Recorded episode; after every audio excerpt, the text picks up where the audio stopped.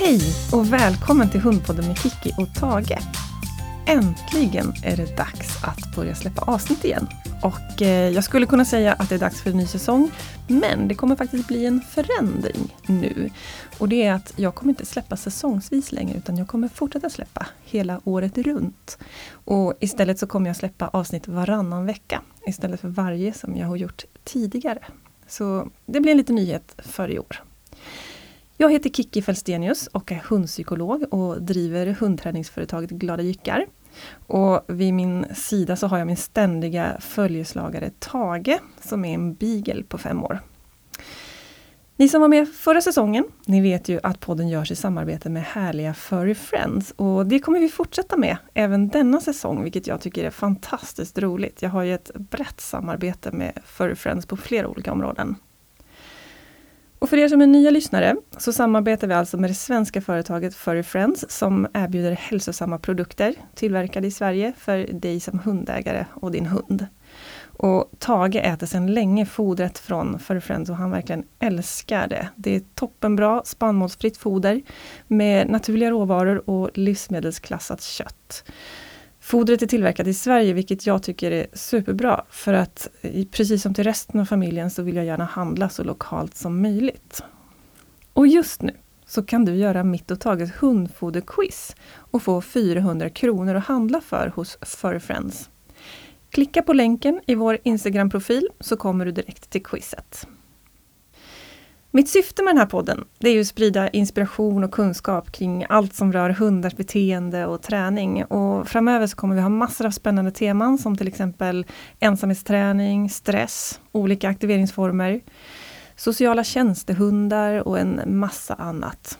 Tack till alla er som har skickat in förslag på teman och fortsätt göra det för att jag planerar ju poddavsnitten löpande.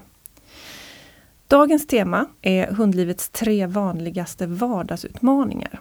Och min uppfattning är att de vanligaste sakerna som folk tycker är utmanande med hundlivet, det är att få hunden att gå i koppel utan att dra, att komma på inkallning i alla lägen och att få bukt med oönskat eller överdrivet skällande. Så de temana ska vi djupdyka i idag. Och till min hjälp idag så har jag min kollega Eva Bejersand som ni fick lära känna i sista avsnittet förra säsongen. Eva jobbar med mig på Glada med administration, kundvård och sociala medier. Så hon är alltså inte hundpsykolog eller hundinstruktör, utan bara en vanlig hundälskare. Exakt. Ah, hej! Hej Eva, hej. välkommen hit! Tack så jättemycket, det ska bli så kul! Ah, och jag tänker att det kan vara jättebra att ha med ditt perspektiv på det hela. Lite sådär vid sidan om. Jag blir ju lätt lite väl ingrottad i mina egna funderingar och tankegångar. Då är det bra att ha någon som ställer frågor och, och ja, är med och petar lite i vad vi pratar om. Mm, jättebra. Ja. Och du har haft hund tidigare. Jag har haft en vårdterrier som heter Helge innan. Mm. Eh, men just nu så är jag mitt emellan hundar. Ja. Så att jag letar hund och håller på och eller vi håller på och dividerar hemma vad, vad som skulle passa oss bäst. Ja. Vilken typ av hund? Och... Exakt, mm. exakt. Och så måste vi ta hänsyn till lite allergier och, ja. och sånt. Så, men det är jättespännande, det är viktigt. Ja men det där är ju en jättespännande fas, just det här att gå och vrida och vända på vilken hund som skulle kunna passa in i ert liv och som kan få det bra hos er. Exakt. Och antagligen kommer det bli en hund som vi inte alls trodde från första början. tänker nej, jag. Nej, ju mer man vrider och vänder på det desto Precis. mer ändras. Mm. Ja, Spännande, mm. kul!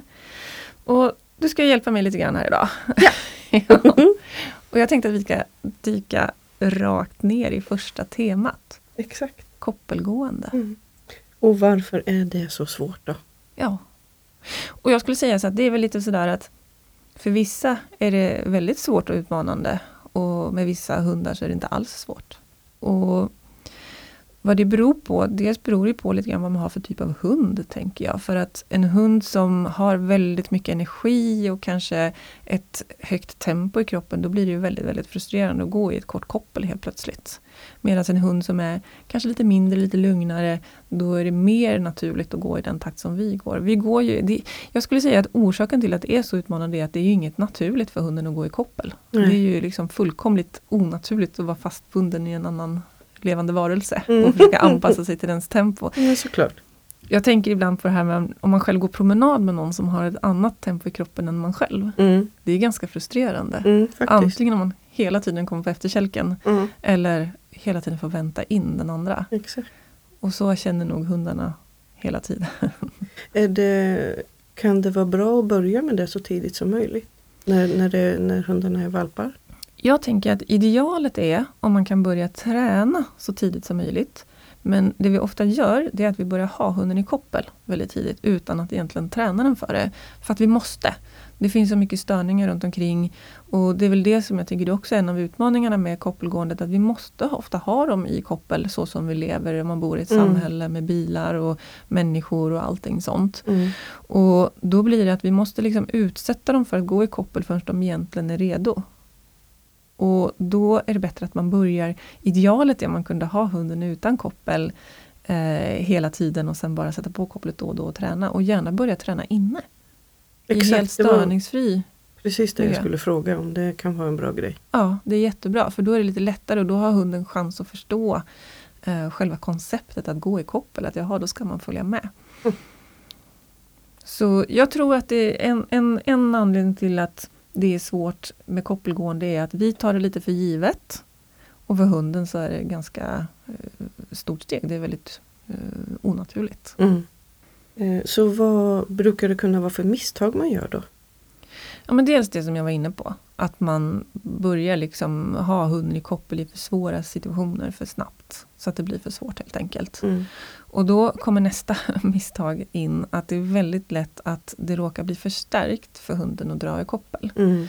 Ehm, att hunden får dra sig fram på promenaden eller dra sig fram till saker eller personer eller grejer som den gillar, dofter kanske. Och då blir det väldigt lätt förstärkt. Att de lär sig att det är så man går i koppel, man drar sig fram till det man vill och så lönar det sig om och om igen. Även om inte vi går in och belönar det mm. så blir det lönsamt för hunden att dra. Just. Um, Ja, så det är, väl, det är väl det vanligaste, att man tränar för svåra situationer eller använder koppel för svåra situationer som inte hunden är redo för och att man då råkar sätta hunden i situationer där det blir förstärkt hela tiden. Mm. Hur ska man göra för att få det att funka bra då? Ja, men lite som vi är inne på där från början, som din fråga. Att jag tänker att det är bra att börja i lätta situationer, gärna inomhus. Eh, så att de förstår själva eh, konceptet med att gå i koppel. Och det som jag ser är att man ofta också det är väl ytterligare ett misstag man gör, att man fokuserar på det man inte vill att hunden ska göra. Vi lägger fokus på att hunden inte ska dra i koppel. Och då blir det lätt, jag är helt övertygad om att det vi lägger uppmärksamheten på, det råkar vi ofta förstärka. Så jag vill gärna vända på det, fundera på vad är det vi vill att hunden ska göra? Jo, vi vill att hunden ska gå med slakt koppel. Vi har en övning som vi kallar för leendekopplet. Och det tycker jag är en fin symbol för hur vi vill att det ska vara. Vi vill att kopplet ska vara som en leende mun. Mm. Uh, och det åstadkommer vi genom att träna i lätta situationer och belöna och berömma och uppmärksamma när hunden gör rätt. Mm. Det man ofta får råd om om man googlar på att uh, hunden drar i kopplet, då får man ofta råd om att så fort kopplet sträcks så ska man stanna. Och Det är ju bra ur det perspektivet att då undviker vi att hunden lär sig att det lönar sig att dra kopplet. Men det blir lätt för mycket fokus på liksom det som vi inte vill att hunden ska göra och det är lätt att vi bygger upp lite frustration. Tänk dig själv om du går promenad och så då och då så fort du blir lite ivrig och vill framåt så är det någon som stoppar dig hela tiden. Mm. Det blir ju jättefrustrerande. Mm. Så lägga fokus på det vi vill att hunden ska göra. Det vill säga gå med slakt koppel eller leende koppel och belöna det. Mm. Och för vissa hundar så räcker det med beröm. Och i vissa situationer där det inte är för utmanande att gå i koppel. Eh, men för många hundar så kan man behöva gå in med godis och lek och lite, mer värdefulla belöningar. Mm. Så att hunden verkligen känner att det här lönar sig. Eh, jag tänkte på när jag tränade koppelgående med, med Helge upplevde jag att jag kom en bit. Jag gjorde mycket av de sakerna som du sa innan och jag kom en bra bit på väg. Och han, vi gick med slagkoppel ibland.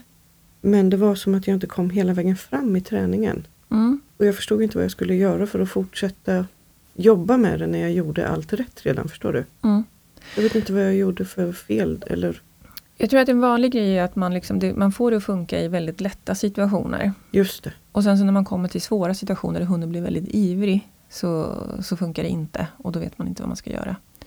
Och hemligheten då är lite att fortsätta träna i situationer där det går rätt. Då kanske det räcker med att bara ge hunden lite beröm ibland och, och det blir självförstärkande. Hunden kommer ju dit den vill när den går i slak koppel så då behöver man inte göra så mycket längre. Men att man hela tiden är lyhörd för att de situationer där det blir lite svårare, att man då går in och jobbar med koppelträningen. Så jag har fortfarande vissa situationer med Tage som ju är fem år, där han blir så ivrig så att han glömmer mm. att att han ska gå med slagkoppel. Mm. Och ett exempel är, vi brukar träna i en hundhall ibland och det älskar han, så han blir väldigt, väldigt ivrig när vi ska gå från bilen och in till hundhallen. Mm. Och då vet jag ju det, så att varje gång jag kommer dit så har jag laddat med lite godis eller torrfoderkulor i fickan och så börjar jag förebyggande belöna innan han kommer igång och dra. Så att jag berömmer och belönar medan han fortfarande gör rätt. Och i vissa situationer kanske det är innan man ens börjar gå, alltså får man ge första godisbiten. Just det. Och ett bra knep där kan vara att belöna genom att kasta godisbitarna på marken, för då blir det också liksom att hunden landar lite, man får ner tempot, det blir lite avledning i belöningen också. Så jag tror att det man behöver tänka på är att man kan behöva hålla på faktiskt i hela hundens liv med vissa mm. hundar och träna i de situationer som är svåra. Och det är väl det man inbillar sig att man ska lösa det och så ska det liksom alltid funka i alla ja. situationer men det, det är inte riktigt realistiskt att resonera så. Nej, och jag tänker mycket på det här med känslan i hunden som jag pratar om mm. så himla mycket. Att en sak är ju hundens beteende, vi kan lära hunden att gå i koppel. Men det är precis som med oss, blir man tillräckligt ivrig eller glad eller rädd eller vad som, då spelar det ingen roll hur väl vi kan någonting. Vi mm. glömmer bort och bara gör. Där tänker jag också att får man inte riktigt bukt med koppelgåendet då kanske man ska fundera på varför drar hunden i kopplet. För det händer att folk söker hjälp hos mig för koppelgående problem, eller att hunden drar i kopplet. Men så visar det att hunden är rädd hela promenaden. Från att de kliver utanför ytterdörren mm. så är hunden rädd. Mm. Och då stressar den på såklart och drar i koppel. Och då går det inte att lösa det genom koppelträning utan då måste vi lösa det genom att göra hunden mindre rädd. Den måste bli mer trygg och säker och mer harmonisk. Då kommer det gå att jobba med koppel träningen också. Ja, sen, jag skulle precis fråga just om stress kan såklart påverka ja, också. En, en sån sak absolut. som stress. Ja. Och sen, alltså, de har ju känslor. Ja. Så de måste ju få känna det de känner på samma gång också. Ja, exakt. Men ja, mm. jätteintressant. Allt hänger ihop precis mm. som vanligt. Ja. Apropå stress så har ju faktiskt du ett onlineföredrag om just stress imorgon den 23 februari. Precis. Det ska bli jättekul. Det är faktiskt första gången jag håller just det föredraget. Så mm. Eh, det, det ska bli kul. Spännande. Om du skulle ge tre snabba tips om koppelgående, vad skulle det kunna vara? Jag tänker att det första tipset, det är nog att fokusera på det du vill att hunden ska göra. Inte på det du inte vill att hunden ska göra. Det vill säga fokusera på att lära hunden och belöna och berömma när den går med slak koppel. Inte klura så mycket på vad du ska göra varje gång hunden väl drar. För då är det redan lite för sent. Så mer fokus på det du vill att hon ska göra, än det mm. du inte vill att den ska göra. Så det är det första. Andra tipset, det är att börja träna i lätta situationer. Kanske till och med inomhus, tills hunden förstår konceptet. Och sen sakta men säkert träna i svårare. Och hela tiden varva de lite svårare situationerna med lätta situationer. Då får man bäst effektivitet i inlärningen. Men träna i situationer som hunden klarar av, där den har en chans att göra rätt. Så att du får de här tillfällen att förstärka när hunden går med soldatkoppel. Mm. Och tredje tipset, det är att utrustningen kan faktiskt också spela roll. För att det är någon, någon människa har någon gång i tiden kommit på att ett normalkoppel är 1,90 långt. Det vill säga knappt, ja, knappt två meter. Mm. Det är ingenting. Varför ska vi ha ett två meters koppel på våra hundar? Jag tycker att det kan funka mycket, mycket bättre om man har kanske ett koppel som är 4-5 meter. Jag är ingen ivrig förespråkare av såna här rullkoppel för att de har jag sett så mycket negativa sidor av. Mm. Och ett av de viktigaste tycker jag att det är väldigt svårt att liksom mjukbromsa hunden med ett sånt utan det blir tvärstopp när man trycker på spärren eller mm. när kopplet tar slut. Utan ett vanligt koppel som är 4-5 meter långt. För då går det liksom hantera, det går lätt och det är inte längre än att det går att hantera som ett kort koppel. Man kan liksom rulla upp det i handen. Men man kan också släppa ut och ge hunden lite mer rörelsefrihet. Och bara det kan göra ganska stor skillnad i koppelgåendet om man har mer frihet för hunden. Mm. Och det är inte så svårt att tänka sig. Nej. Och likaså att ha en bekväm sele på hunden kan också spela roll. Att man har bra grejer som sitter skönt på hunden. För att ibland upplever jag att många hundar försöker liksom dra för att komma bort från obehaget av ett halsband eller så. Så att en ergonomiskt bra sele och ett lite längre koppel mm. kan vara väldigt värdefullt. Bra tips. Tack mm. snälla. Tack. Ska vi hasta vidare till inkallning då kanske? Ja men det gör vi. Ja. Eh, varför är det så svårt då? Ja, men jag tänker så här, inkallning i grunden är ju inte så svårt. Så länge det inte är någonting som stör. Men dilemmat med inkallning, det är att vi vill ju att hunden ska kunna komma i alla situationer och att, det verkligen ska, att hunden verkligen ska komma när det verkligen gäller. Och då konkurrerar vi med vilt, vi konkurrerar med andra hundar, vi konkurrerar med katter, vi konkurrerar med människor, kanske folk som sitter och har picknick. Det finns så många saker som kan locka hunden. Mm. Så vi, vi måste hela tiden få hunden att vilja komma i alla lägen. Så det är väl den största utmaningen. Plus att hundar är ganska smarta. De lär sig rätt snabbt att är de tillräckligt långt ifrån varandra, typ, det räcker med två meter, så vet de att vi inte kommer åt dem. Mm. så det är väl det som är utmaningen. Vi kan inte liksom eh, styra över dem på samma sätt som när vi har dem i ett koppel. Och då blir man ju nyfiken på vad som är de stora misstagen man gör då. Ja. ja men jag skulle säga att det vanligaste man gör, det är att man tränar i alldeles för svåra situationer. Eh, man tränar i de situationerna där man vill att det ska funka. Det vill säga man passar på att kalla in hunden när det kommer en eh, katt eller en hund eller någonting som hunden tycker är riktigt spännande. Och det är inte där vi kan börja, det kan vara den ultimata målbilden. Men vi måste träna oss sakta men säkert dit. Och bra inkallningsövningar, det är alla övningar där hunden hör inkallningssignalen, sen kommer i full fart mot dig och tyckte att det lönade sig att göra det. Mm. Och tränar vi bara när den ser en lekkompis eller en katt eller en hare och så kallar vi in hunden, då är det väldigt svårt att matcha det. Dels är det väldigt stor risk att, att vi misslyckas, att hunden inte kommer. Mm. Så då har vi tränat i en för svår situation. Men om hunden väl kommer, då är det också stor risk att hunden tycker att mm, det där matte eller husse hade att erbjuda, det var inte så mycket värt som det som den gav upp. Vilket innebär att det är stor risk att hunden nästa gång inte kommer på inkallning, för att det lönade sig inte sist. Och jag tycker man kan se inkallningen lite som ett eh, bankkonto där vi måste göra massa små insättningar för att sen kunna ta ut för den där semesterresan eller bilen man vill köpa eller vad det nu är. Mm. Och varje gång vi använder inkallningen i skarpt läge så skulle jag säga att det är ett stort uttag. För då kallar vi in hunden i en situation där den egentligen inte vill komma, den vill göra någonting annat. Och då vill det till att vi har satt in många gånger, många små insättningar, det vill säga många inkallningsövningar där hunden, vi kallar på hunden, den kommer till oss och vi belönar det så att hunden lär sig att det lönar sig. Och då kan man kalla in i situationer där det inte finns någonting som stör alls. För då fyller vi verkligen på med viktig rätt vågskål. För i de situationerna så konkurrerar vi inte med något annat utan det vi har att erbjuda är ju värt någonting på riktigt. Och det är lite som du pratade om föredraget om ensamhetsträning. Att man mm. varvar det som är lite svårare med det som är mycket enklare. Ja, precis. Det är samma sak här. Ja, exakt samma sak. De här grundläggande inlärningsprinciperna, de går ju igen i allting vi ska lära hunden. Så det är ju samma sak jag pratar om hela tiden. Och det en sån som jag då skulle inte ha tänkt att det hade varit. Jag skulle bara ha tränat jättesvåra grejer tror jag. Ja. Och jag kan själv gå i det, den fällan ibland och göra det. Så jag får påminna mig själv att nej, men nu måste jag fylla på.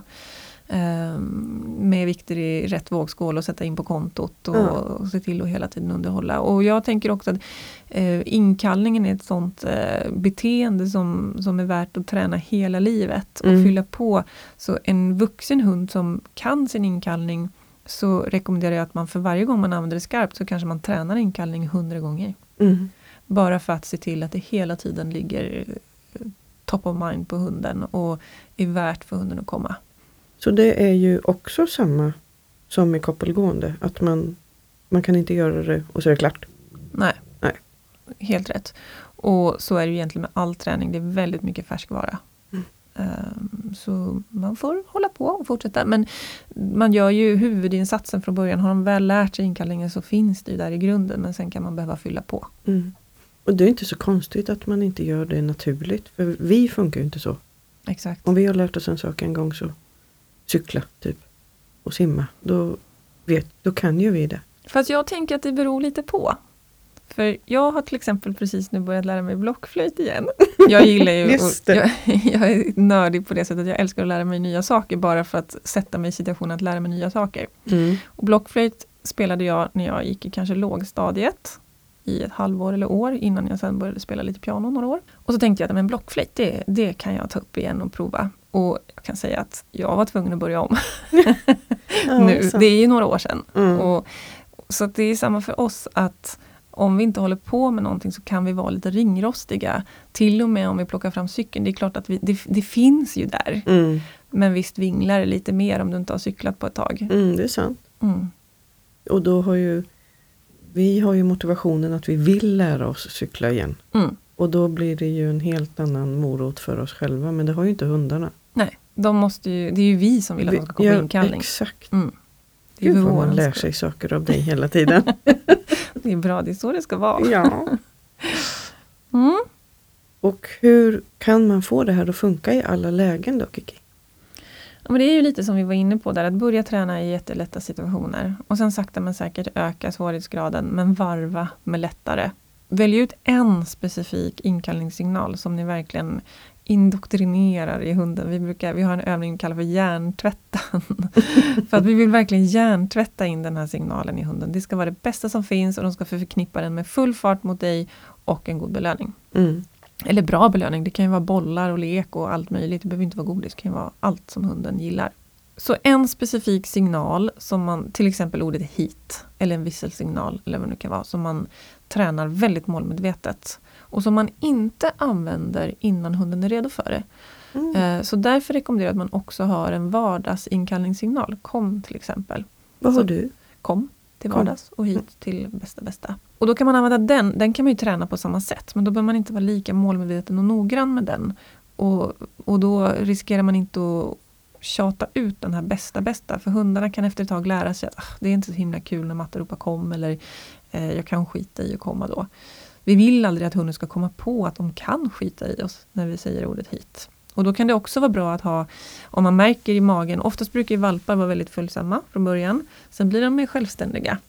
Och känner man då i magen att nej, men nu funkar det inte längre, då får man vara i en inhägnad eller ha långlina efter hunden när man tränar, så att den inte lyckas försvinna iväg.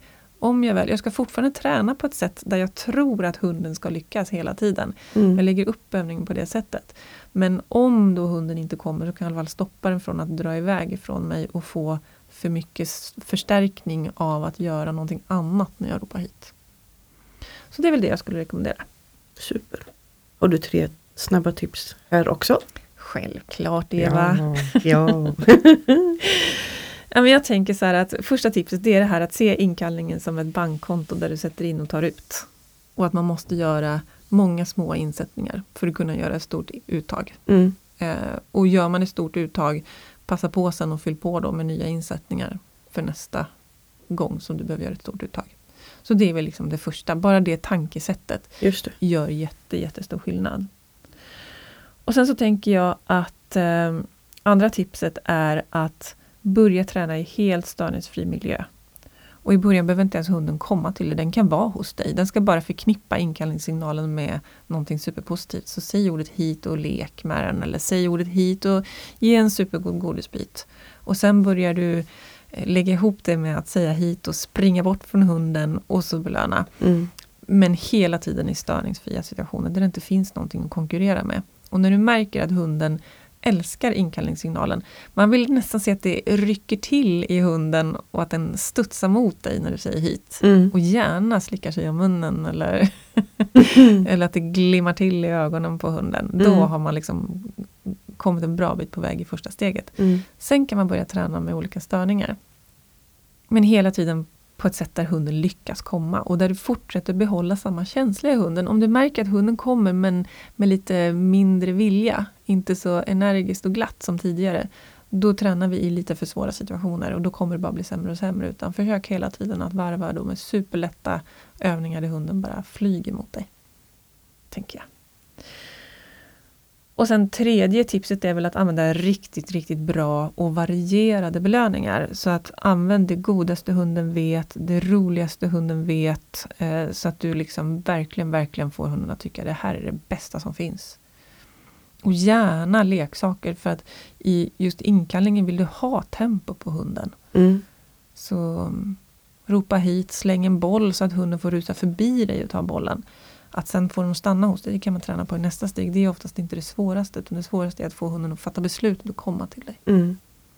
Och så mycket bra tips! Så, sånt där som jag inte tänkte på mm. i begynnelsen. Eh, det är nog fler än jag som är mer nyfikna på det här med inkallning. Mm. Så du kommer ju faktiskt ha ett onlineföredrag om det också. Eh, 27 april. Ja, det ska bli jättekul att nörda ner sig ordentligt. Och på, inkallnings, eller på föredragen generellt så ger jag också möjlighet att ställa frågor. Så då kan man också ställa sina specifika frågor kring inkallning under ett sådant föredrag. Så jag brukar köra på föredraget i ungefär två timmar med en ordentlig paus mitt i. Och sen stannar jag kvar. Hittills har jag faktiskt lyckats stanna tills alla frågor är besvarade. Så alla har fått sina frågor besvarade. Men mm. det blir också fler och fler deltagare på föredragen. Och även om jag satt en maxgräns så beror det lite på hur många frågor som ställs, om jag hinner svara på alla eller inte. Men eh, det är min ambition i alla fall. Mm. Och just den frågebiten vet jag, som pratar med väldigt många efter föredragen, som säger att man uppskattar att du tar dig så mycket tid till till frågorna. Det blir ju mm. en diskussion av det. Mm. Och in, helt plötsligt så sitter ju flera av deltagarna och diskuterar om det. Så mm. deltagarna interagerar ju med varandra också ibland. Ja, och precis för att frågorna, dels så får man ju svar på sin egen fråga. Men det är också värdefullt att lyssna på andras frågor för att det belyser en del av det jag går igenom i, i själva föredraget. Så det, det brukar vara väldigt uppskattat. Mm. Mm. Verkligen. Då går vi vidare till nästa tänker jag. Mm. Som är skällande. Ja. Väldigt spännande tema. Varför skäller våra hundar Kiki? Ja du, för att de är hundar. Ja. Så enkelt är det. Antagligen. Nej, men skämt åsido, det, att skälla är ju någonting fullkomligt naturligt för hunden. Det är ju en del av deras språk. Och jag tycker det är viktigt att vi tänker på det och inte har som ambition att, eh, att liksom helt träna bort skällande eller se skällande som någonting negativt i grunden. Utan det, det är någonting positivt. Det är hundens sätt att kommunicera. Hunden har till och med utvecklats under domesticeringen på ett sätt som passar oss människor. Så deras skällande har blivit, det har fått mer nyanser än vad en varg har. Bara för att de ska kunna kommunicera med oss. Mm. Men nu så tycker vi att det är lite bökigt. Så som vi bor med våra hundar mm. så kan det ställa till en del problem. För att vi bor tätt ihop med andra människor, hundar, så att det kan bli lite för mycket av det goda ibland. Och det är det som jag tänker att vi kan prata om här då. Att okej, okay, hunden får skälla eh, och tala om vad den vill och kommunicera med oss och med omgivningen. Men det är det här lite överdrivna skällandet eller oönskat skällande, det vill säga skällande i lite olämpliga situationer eller när det blir lite för mycket av det goda. Eh, det är det jag tänker att vi kan prata om hur man kan göra någonting åt. Mm. Vad är de vanligaste misstagen vi gör? Med skällande just, ja. Mm. Jag skulle säga att en sak som jag stöter på det är att folk som har väldigt, väldigt svårt för skällande och som vill ha väldigt, väldigt tysta hundar, de får ofta väldigt skälliga hundar. för att vi stressar upp oss och jagar upp oss av skällandet. Och det kan vara alltifrån att man själv tycker det är irriterande eller att man är rädd att omgivningen störs eller så att man är på hunden om minsta lilla grej. Så fort den låter så är vi där och försöker säga till den eller att vi själva blir stressade av det. Det kan också hunden av, hund, känna av. Hunden kanske skäller för att den är stressad eller upprörd. Och så märker den att vi blir också upprörda och stressade.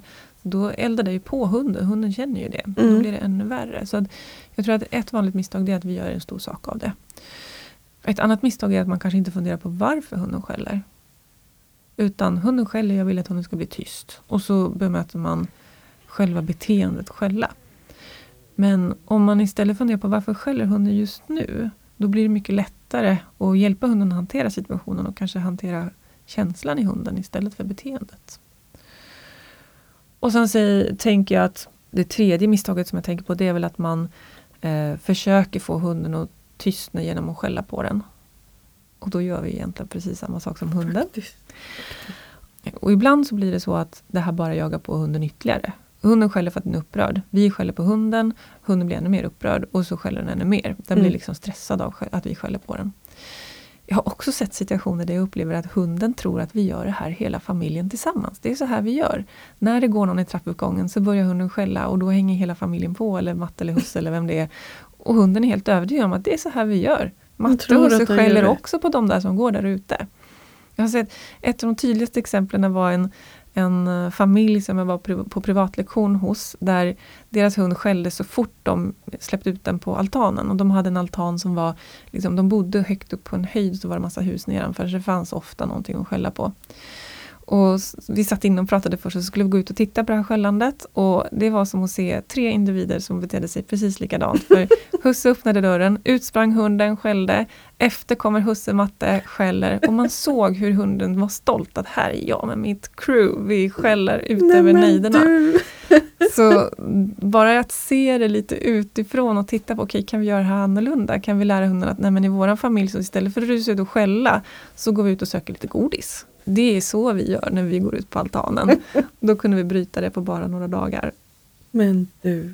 Så ja, jag tror att det är ett vanligt misstag att vi beter oss på ett sätt som gör att hunden tycker att vi Ja, det är så här vi beter oss i ja. vår familj. Ja. Mm. Spännande.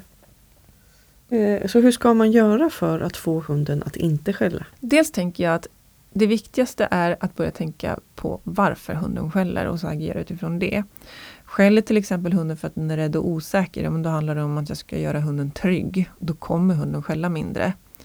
Skäller den för att den vill ha avstånd till en annan hund eller människa, ja men då måste man ge den det, helst innan den behöver skälla. För att ofta ger de massa fina små lågmälda signaler innan de här stora orden kommer. Och kan vi agera på dem, då behöver inte hunden skälla utan då kommer den bjuda mer på de här små fina signalerna om vi lyssnar på dem. Men lyssnar vi inte på dem, då kommer till slut hunden börja skälla. Sen om man tänker på de här vanligare situation, eller vanligaste situationerna där hunden skäller, att hunden larmar eller vaktar. Eh, det vill säga antingen försöker larma till sin familj att hallå, det kommer någon ja, och vill göra oss uppmärksamma på det. Eller vaktar, talar om för inkräktarna att håll er borta, här mm. går vi. Eh, då tänker jag att det är en ganska naturlig uppgift för hunden att göra både larmandet och vaktandet. Och då skulle jag gå på linjen att lära hunden takt det räcker att den får larma och den får vakta. Men jag lär hunden att när jag säger att mm, tack det räcker, tack för att du vaktade eller larmade, nu har jag noterat, nu kan du komma här och göra någonting annat. Och lättaste sättet att, att lära in det, det kan kännas lite bakvänt för att jag vill gärna lära hunden att tack det räcker betyder att den ska vara eh, tyst och lugn och göra någonting annat. Det är lättare att lära in ett annat beteende än att bara få den att sluta. Så jag brukar rekommendera att börja med att lära hunden att tack det räcker betyder söka godis i lugn och ro. Mm. Och då gör jag det helt utan att det är skällsituationer. Så jag börjar säga tack det räcker, sprider ut godis. Sen säger jag tack det räcker, sprider ut godis. Och så håller jag på med det några dagar, flera gånger om dagen. Tills hunden förknippar tack det räcker med att vara tyst och söka godis. Nästa steg är att jag börjar säga i situationer där hunden skäller men inte blir jätteupprörd. Den får inte bli helt blockerad. Det får inte vara så att det är en inkräktare som helt plötsligt står i hallen och hunden är helt eh, uppe i i känsloläge. Men i situationer där hunden reagerar lite grann, då kan jag säga tack det räcker och så låter jag hunden söka godis. Och då är det viktigt att jag låter hunden söka godis ända tills den helt har släppt tanken på det här som den då reagerade på. Mm. Och så upprepar jag det i först lätta situationer varvat med helt störningsfria situationer. Och sen återigen samma princip igen. Sakta men säkert i lite svårare situationer tills det funkar i alla lägen. Mm. Så det är väl det lättaste sättet. Men sen som sagt, eh, det är viktigt att ta reda på varför hunden skäller och så hitta en lösning som, som passar för just den situationen och den individen. Hur har du gjort det med, med Tage när ni är hemma i er lägenhet? Jo, men han, vi har en lite speciell situation här för att jag bor i bottenplanet. Så vi har en eh, balkongdörr som vi vetter liksom ut mot en gångväg. Och sen så har jag en ytterdörr då in mot trappuppgången. Och jag tränade tidigt väldigt mycket på att han inte ska skälla när någon går i trappuppgången eller låter från huset och det har jag gjort på det här sättet att jag har dels då kört takt i räcke-träning och sen också en annan metod som jag går in på att förekomma. Um, så när jag ser att han hör ett ljud, då börjar vi söka godis redan innan. Så att jag avleder med någonting annat innan han ens börjar skälla. Mm. Då kan man få hunden att inte skälla alls i de situationerna. Så gentemot ytterdörren så har jag jobbat så målmedvetet med det. Så där, han reagerar inte alls. Han skäller inte om någon ringer på dörren eller knackar på dörren eller någon går i trappuppgången. Däremot har jag känt att om någon närmar sig min balkongdörr, då vill jag gärna att han ska vakta. Mm. Så där har jag inte tränat eh, på det sättet att jag har försökt få honom att inte skälla alls. Utan där får han skälla. Så om någon närmar sig den vägen, det kan ju vara att någon kommer hem du vet, och har glömt nycklar till porten och knackar på. Mm. Då skäller han och då skäller han ganska intensivt. Mm. Och det tycker jag är skönt. För att kommer någon den vägen så vill jag gärna veta det. Ja. Och där har jag mer kört principen då, bra tack det räcker, nu kan du söka godis istället. Så hundar är ju helt fantastiska på att lära sig om vi bara lyckas visa vad det är vi vill och förstärka de beteenden vi vill ha i olika situationer. Mm. Så ja, de är fantastiska. Ja, jag gillar så mycket att han får göra det han behöver också. Ja. Även om det är att han skäller. Mm. Ja, det är det naturligt för honom att skälla och säga till. Och att du tillåter honom. Alltså, ja, jag tycker det är så, det är så fint. Mm. Det är ödmjukt gentemot vovarna. Mm, mm. Tycker jag med. Sen måste man ju självklart vara ödmjuk mot sina grannar också. Ja men såklart. Så det, man måste ju träna dem så att de inte skäller på varenda ljud. Och det kan ju vara stressfullt även för hunden. Så mm. att, eh, Det är jättebra med en balans där. Exakt. Det här ämnet, skällande och oönskat skällande har ju du haft x antal föredrag om. Ja. Både online och i, i verkliga livet. Men de blir du, alltid väldigt fullbokade. De är alltid väldigt fullbokade. Och du kör ju faktiskt igen den 9 mars. Ja, exakt. Och det är ju samma sak där. att både Jag pratar ungefär två timmar fast med en lång paus mitt i. Så det brukar ändå gå eh, ganska okej att lyssna tror jag. Mm.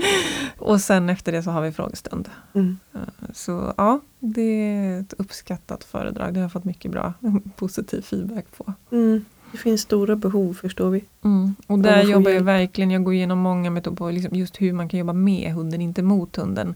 Det är så, går man ut och googlar på oönskat skällande då får man massa tips på eh, antiskällhalsband och eh, sätt som, där man går in med någon form av bestraffning. Även om man kan tycka att en citrondusch som en del av de här antiskällhalsbanden innehåller, eller ett överljud innehåller vissa, Även om man kan tycka att det är ett milt, en mild bestraffning, så är det ändå en bestraffning. För mm. om det inte hade varit det så hade det inte funkat. Uh, och Det kan få förödande konsekvenser för att hunden kanske skäller för att den är lämnad ensam hemma och är olycklig. Och så helt plötsligt så kommer en citrondusch eller ett obehagligt ljud. Då blir det ju ännu mer olycklig. Ja men det är hemskt men fortfarande så är det liksom mycket sådana råd man får. Så vill man lösa problemet på riktigt då ska man med på mitt föredrag. Verkligen. Eller boka tid hos en hundpsykolog också. Ja, det kan man också göra. Om man mm. vill djupare in i det. Men föredragen hjälper ju, har ju hjälpt väldigt många. Ja, och föredragen är en väldigt bra grund och vill man eh, ha kontakt med just mig då kan, kan en bra start vara att gå föredraget och sen kanske boka en online-lektion. Om man inte eh, finns här i Stockholmsområdet. Så mm. det finns många Mm. Många sätt att angripa det på. Sen finns det många duktiga andra hundpsykologer runt om i landet också. Och kolla gärna på Sveriges hundföretagares webbsida. För där, där finns ju många där vi vet att de har en modern och adekvat utbildning. Så att de ska kunna hjälpa till på ett bra sätt. Mm. Mm. Ska vi ta tre snabba tips på den också? Ja, det ska vi ju. Första tipset det är att tänka på att det faktiskt är naturligt för hunden att skälla. Så låt den göra det i rimlig mängd. För har man nolltolerans så gör man både hunden en otjänst och faktiskt kanske sig själv också för att det finns risk att det blir ännu större problem för att man sätter ett lite orimligt mål. Mm. Så tänk på att det är naturligt. Det är naturligt och faktiskt någonting fint. De försöker kommunicera med oss och sin omgivning i grunden. Och andra tipset det är väl att fundera på varför hunden skäller och hantera själva grundorsaken så att man anpassar, utifrån, anpassar träningen utifrån varför hunden skäller. Eh, och ibland kan det räcka med att bara jobba med känslan i hunden och då kommer beteendet sluta automatiskt. Och ibland så kan man behöva jobba med beteendet som sådant och aktivt träna den i att inte skälla. Men även då är det bra att veta varför hunden skäller för då kan man lägga upp träningen på ett mycket effektivare sätt jämfört med om man bara betraktar det som skällande överlag. Och sen tredje tipset är väl att eh, lära hunden det här takt det räcker, för det kommer man ganska långt med i många sammanhang. Kan hunden takt det räcker så, så ger man hunden lov att skälla, men man får också ett sätt att, att avbryta skällandet på ett positivt sätt. hoppas att ni har fått lite bra tips där kring både inkallning, skällande och eh, koppelgående. Och eh, jag tänker att skulle man vilja ha lite mer praktiska råd och träning, framförallt när det gäller inkallning och koppelgåendet, men även lite skällande faktiskt, så har jag också en onlinekurs som heter Vardagsträning, aktivering och abrovinker. Mm. Och det är en sån kurs där allt material är förinspelat. Det ingår massa, massa videos, eh, en del teori och väldigt mycket praktik.